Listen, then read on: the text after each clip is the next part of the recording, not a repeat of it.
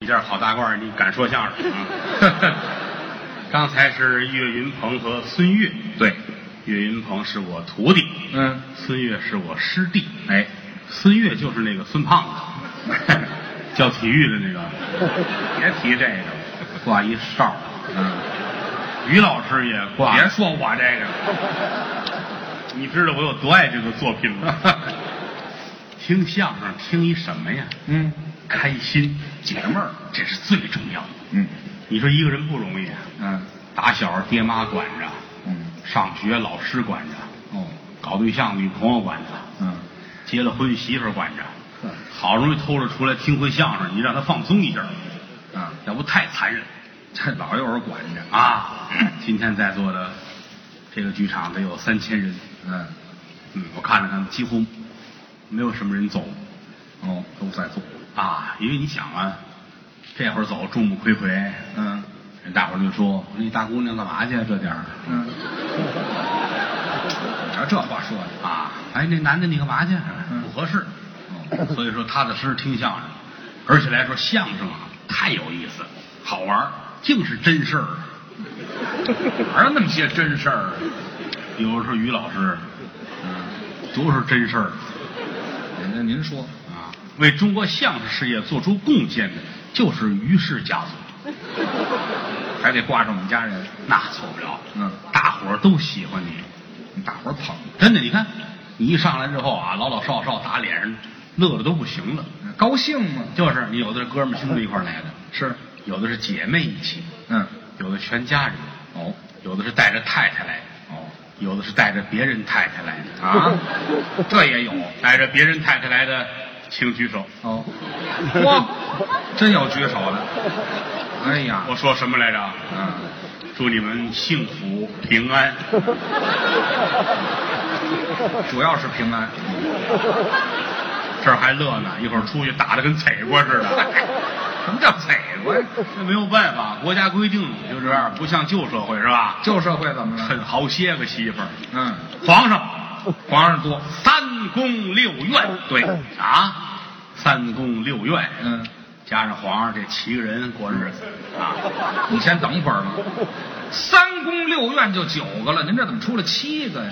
三宫六院啊，有三个是公 的，啊有六个愿意，哦，这不七个人吗？所以说皇上的日子也一般，是不如那个财主。财主怎么了？打财主三妻四妾，这是有的，二十五个娘们儿，嗯，哪什么账啊？您这是三妻二十一，啊还有四个妾呢。啊，这么合二十五个，对呀、还要惩罚？现在不允许了，当然了，一夫一妻制，这就对了，对吧？嗯，带着俩媳妇儿，仨人好好过日子，怎么仨人呢？这一个夫人，一个妻子，呃，俩媳妇儿这是。一夫一妻嘛。一夫一个丈夫，一个妻子。 你要给我一个妻子，我还能接啊受；你再给我个丈夫，我 嗨，谁给你丈夫了？你我消化不了。哎，这也是丈夫。挺好啊，过日子嘛，就这点事儿，两口子好好过。是，另外我特别羡慕就是那个老爷子老太太，嗯走在街上老两口搀着，啊或者拉个手买菜逛街，哎，无比的幸福。相濡以沫，少年夫妻老来伴儿，夕阳啊，这点儿他父母这份儿好，瞧着打心里感动。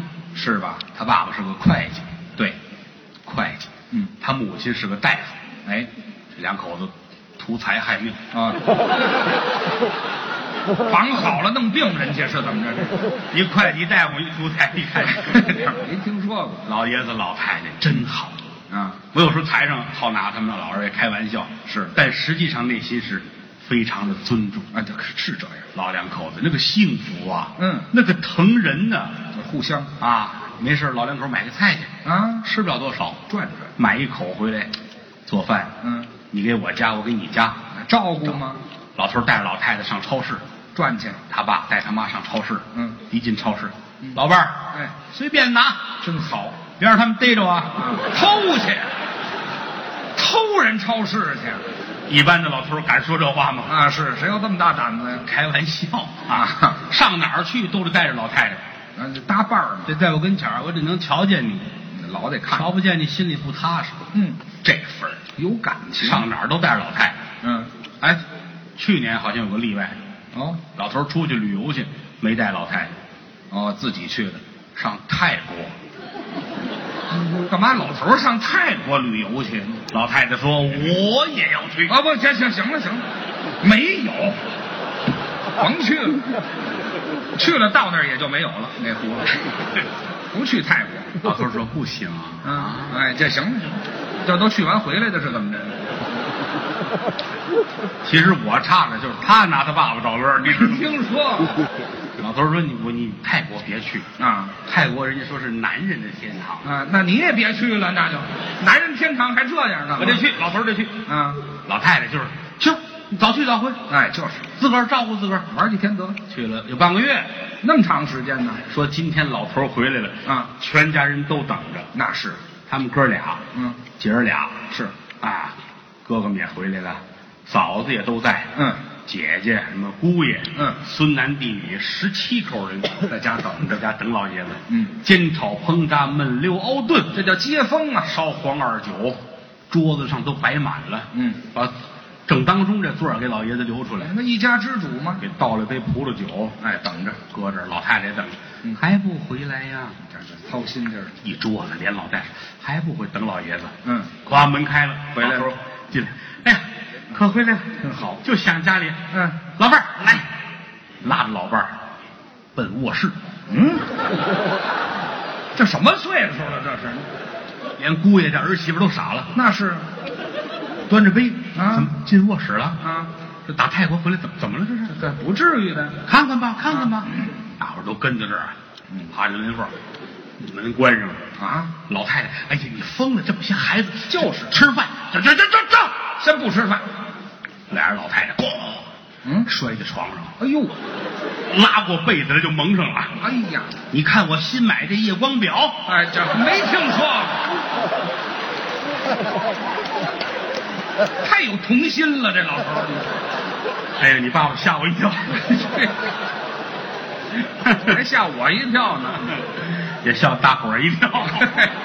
对不起，让你们失望了。我听什么就失望了，少年夫妻老来伴儿这是感情啊！啊，其实这过去老头老太太还那个年头过来的啊当年相亲是其实谁也不认识谁。嗯，得了，瞧瞧，行吧，行，就这么就就过了。我这一辈子到现在我们这个岁数，包括到现在更小的，嗯人都没有这个了。没这规矩了。哪有相亲？除了他小时候还有过那个娃娃亲，嗯，那嗨，那早，是不是、啊？有过他小时候有娃娃亲，那你嗯，家大人俩人好得了，你那闺女跟我儿子结婚吧，以后就这么一句话，孩子懂什么呀？嗯那年他四岁，可不是吗？女方五十一，啊，我找干妈来了，上这儿那不成功啊，是吧？成功不了啊。后来又有一个初恋，他挺喜欢，啊，结果让他二舅给带走了，嗯，就是他现在的三舅妈。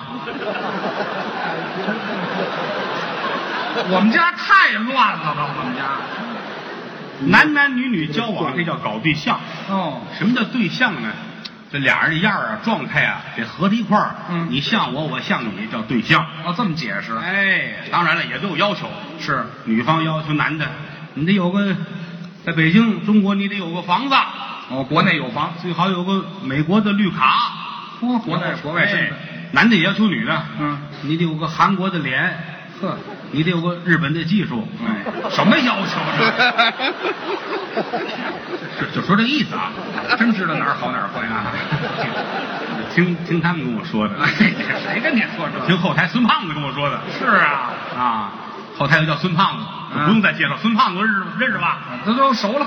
就没人样儿那胖子哈，大胖子，别看胖，搞对象不少搞。是啊，你这女孩儿也是哈，你真有这收藏家，嗯，收藏家，跟他搞多腻，你知 道什么可腻呢？吗？啊，有就搞了不少了哦，啊，但是搞完对象，他这个长不了，是吗？他老出门演出去。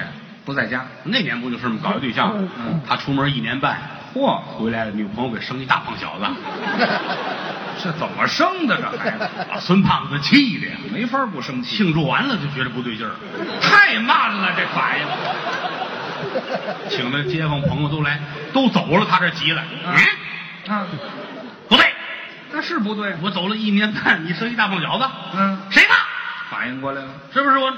是不是我那些个狐朋狗友？你瞧，是不是我那些个朋友？怀疑了。嗯说，是高峰的吗？是于谦的吗？你瞧，啊，是岳云鹏的吗？都想，我的我哪个朋友的？嗯女的也生气，啊干嘛呀？我不能有个朋友吗？啊，谁也不行啊，这这有什么可矫情的？这啊到底是我哪个朋友的？反正闹得挺邪性。啊，你别看我说他，我挺羡慕他的。你还羡慕人家？我打小我就是个老实孩子，是 啊，我特别内向，真的。 你爱信不信？ 那哎就是不信，我小时候就同学有一女孩可顺了，是吗哎呦，就不敢跟人说一句我喜欢你，不敢说，吓死了。哦后来我弄个条儿我写条儿我喜欢你，搁口袋里。嗯这条儿换了三回了，都不敢给。都攥烂了都不敢给人家。嗯后来死怎么样？写写个条儿我喜欢你，搁口袋里。嗯女孩儿跟那儿站着，嗯，噔噔噔噔噔噔噔，跑到跟前儿掏出来，嗯，转身回来了，心跳脸都白了，没干。可给他了。嗯，可能做 那儿，这错了。这条儿怎么还在我这儿？没给，我口袋儿那一块钱哪儿去了？嘿 好，把钱给人家了。不成才啊，这习惯现在还有吗？啊，不成才。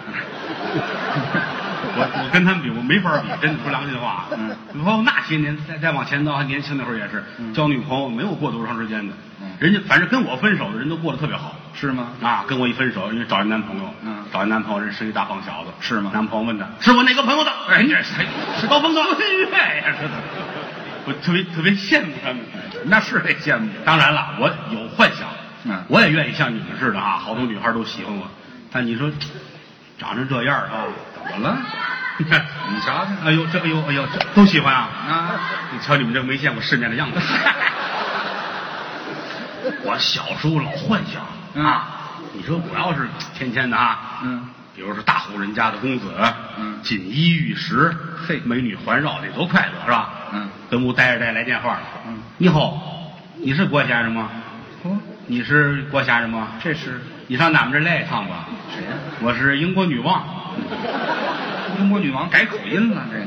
形容嘛，哦俺们英国有一个这个什么美女选拔赛，我选美，你来吧，嗯多好，咱去吧，嗯好吃好喝，天天都美女，看着又来电话了，嗯你是郭先生吗？嗯，我是香港总督啊，你们香港也这味儿啊？殖民地，嗯啊，一直就那边下来 上了。俺们这儿来吧，啊，到香港啊，这儿转转那儿转转都是美女，嗯嚯走到街上，咵，地上一个大提包，啊，我捡过来打开一看，里边都是钱，嘿呦，还有一条儿写的是俩字儿，写我的。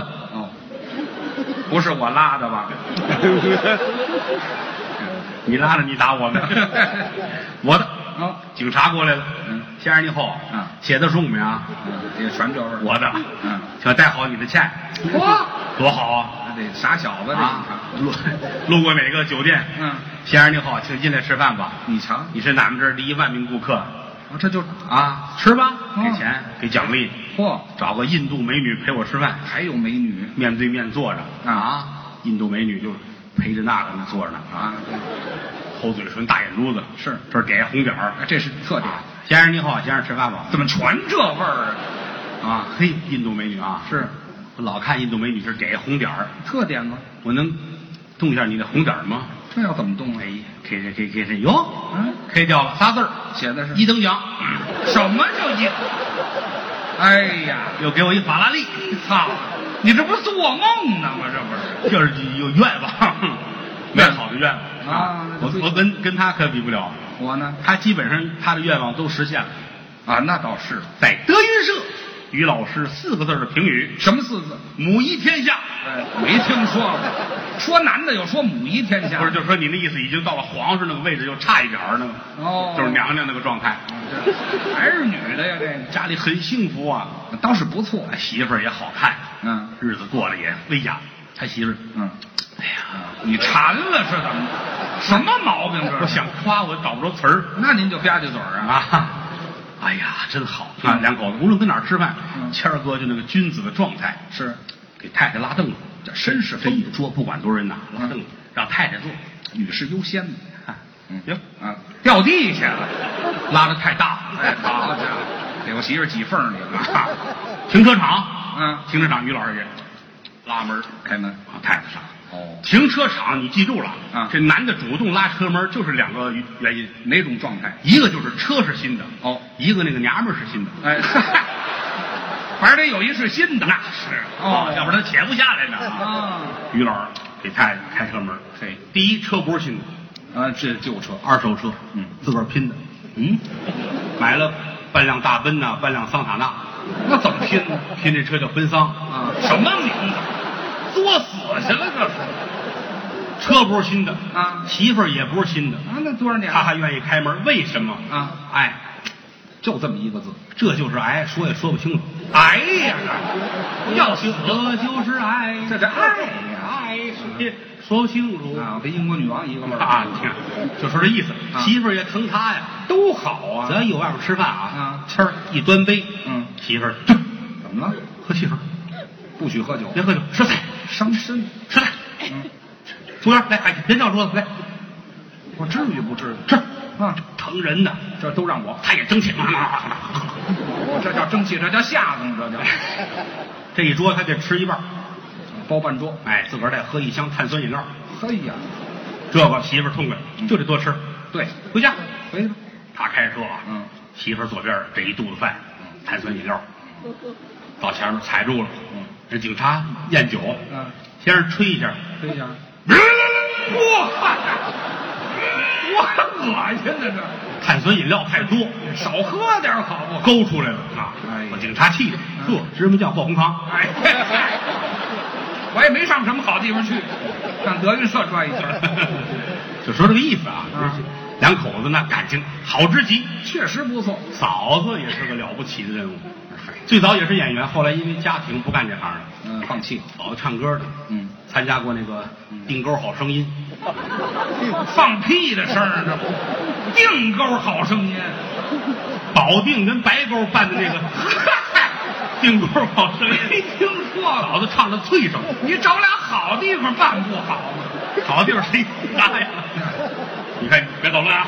废话， 啊，我大伙这儿放屁比赛呢，定沟好声音这在这别提这名字，哎，想着这么痛快，有什么可痛快？一等奖给一个纯黄金的子弹壳，哎， 我也换换吧，这么些年了。哎我就别瞎说啊啊！哦我都这么尊敬嫂子，你瞎说。你瞎说呢吗？这嫂夫人在我心里边这份儿啊，大家闺秀，是啊，大门不出，二门不出去卖，啊，那就在家里卖吧，那就大门不大门啊，大门不出，二门不卖。哎呀，二门那儿就不卖了。哎，这要屋里卖去，什么话这叫？废话什么？反正我是想夸你们两口子好，他本身就好。这就是个顾家的人，啊，我也是无论走哪儿都是哟，这这菜我给给家带点儿去吧，啊，拿回家好吃的给家买点儿去吧。老想着这份儿嗯过日子，人别以为他这个花钱大手大脚啊啊其实说句良心话，模范账。啊，我干还细致前两天山东远东嗯马路边瞧人家卖那个毛线织的帽子，啊，去了就买三顶，仨仨的买，你看颜色不一样啊，毛线的帽子自个儿戴，一个芹菜色儿 的，一个韭菜色儿，一个一个青萝卜色儿的，这不都是绿的吗？这不是，我买绿帽子戴拿回家，嗯跟媳妇说，哎，你看，啊，来，挨个试。你嗯媳妇儿看着他，嗯你不用买。嗯，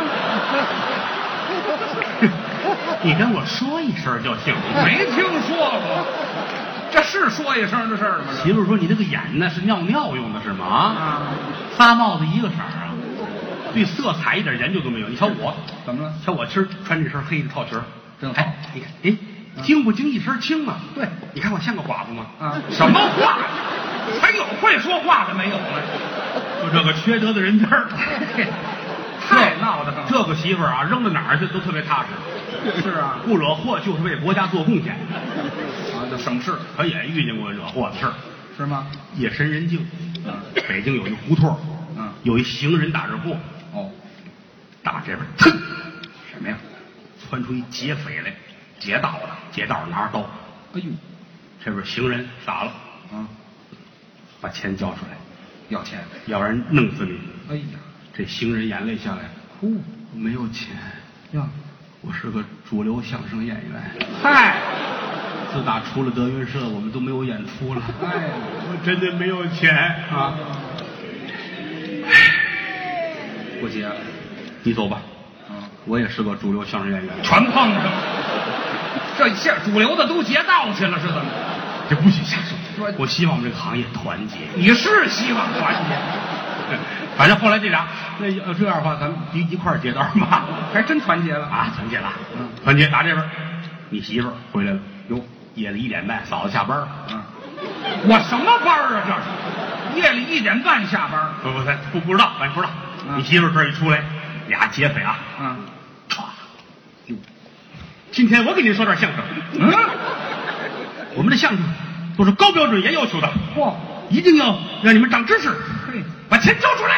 这是吗？啊，你媳妇儿你能怕这个吗？对呀嗷一声就上去了。是啊，他媳妇儿那天啊，穿一个啊蓝不筋儿的旗袍，染着红头发，小脸蛋儿蓝哇哇的，多瘆得慌！跟雷震子似的。好家伙，嗯，哎，蹭出去了。嗯，把这俩人打得跟贼过似的，又来了，俩劫匪跪地上哭，嗯母英雄饶命啊！母英雄，女英雄啊！这打得跟热窑似的。啊，于谦儿在家里边看表，嗯，三点了，还没回来。是啊，电话响了，嗯，一接是男的，好，接完电话，谦儿眼泪下来了，怎么了？媳妇儿让人绑架嗯了。哟，劫匪太凶残了，怎么了？说不给钱就把他放回来。那就直接放回来不好吗？过了两三天，啊，媳妇儿回来了，哦，哎，把这俩劫匪送回单位上班去了。嗯，这俩到年底得了个德艺双馨奖。嚯啊，你瞧，但是这个事儿对于谦儿来说，心里边老有一疙瘩，我琢磨什么呢？埋怨自个儿媳妇儿。嗯，你说你要不半夜出去，能惹这个祸吗？也是，可是问不敢问。嗯媳妇儿多厉害呀，哦，不敢问，话到嘴边儿都得咽回去。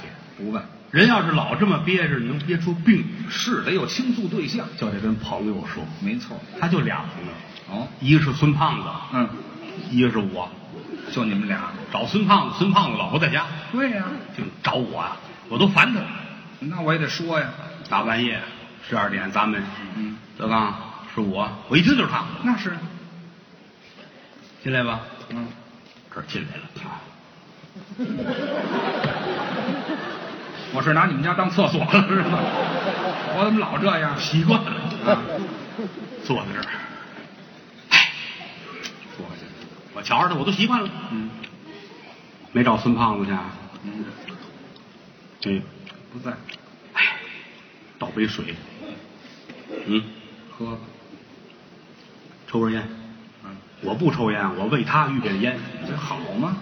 这把烟拿出来，拿出一根儿来，嗯，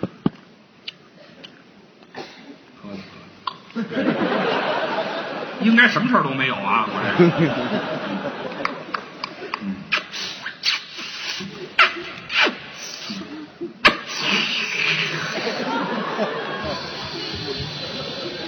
在家抽完来不好吗？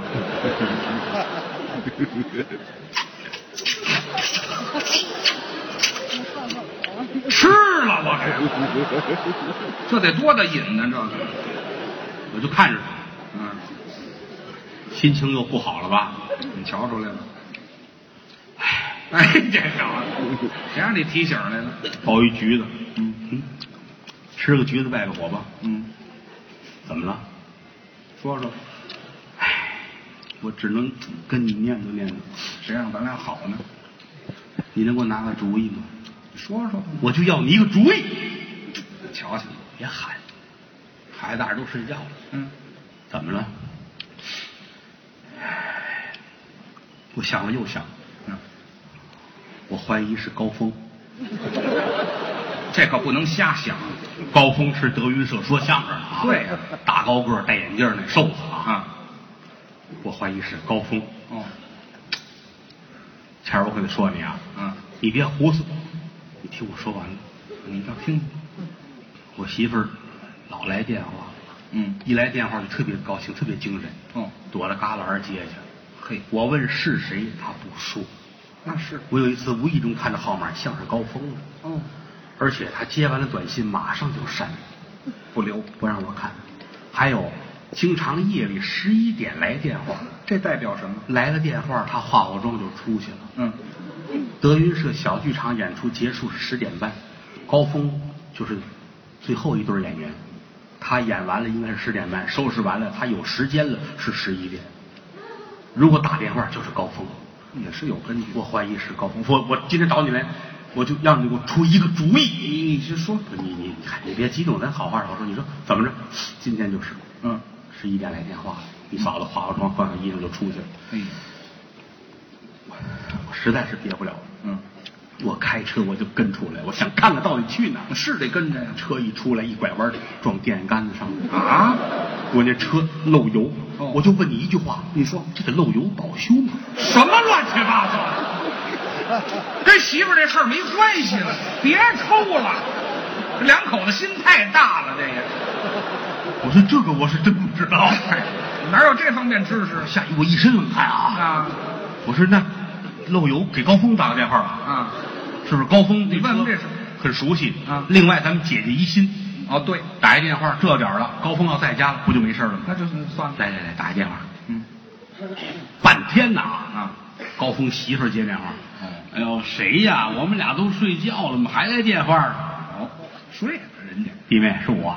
啊哦，哥，您什么事？那个 咳睡了哈，嗯我不知道你们俩睡这么早。嗯呃呃，问点事儿是那个咱们单位登记啊，那个高峰那车牌照号是多少？哎，这打个岔啊，牌照号多少？是哟，牌照号，哟，我也不太清楚。是高峰也没在家，等会儿啊，我问问他大哥啊。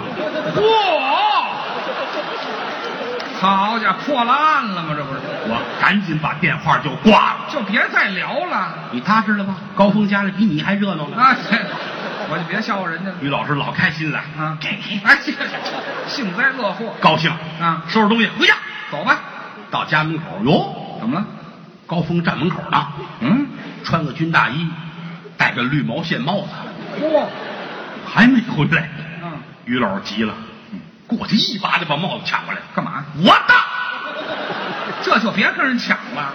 高峰抢过来，我的，哇我的！半夜三更啊，俩哥俩这抢绿帽子戴。哎操，什么心态这？挺高的，我就知道你一天到晚的围着我们家转，你没安好心。哦姓于的，你管得着吗？把绿帽子还给我！真打起来了。俩人撕巴起来了。嗯，啊，强说：“走走，你给我进来。”嗯上屋说来。是俩人撕巴着进屋了。嗯刚进屋，拐弯那儿就听见嫂子回来了，哦，脚步声音嘚儿大嘚儿大。高跟鞋高光，嗯，咱俩躺下装死。是他进门一瞧，咱俩死了，嗯先管谁，谁就留下，另一个人滚蛋。啊这对，俩人咣当躺下了。是门开了，嗯于谦儿媳妇儿进来，哟，喊谁俩都死了。对孙胖子快进来吧。这儿还 一个。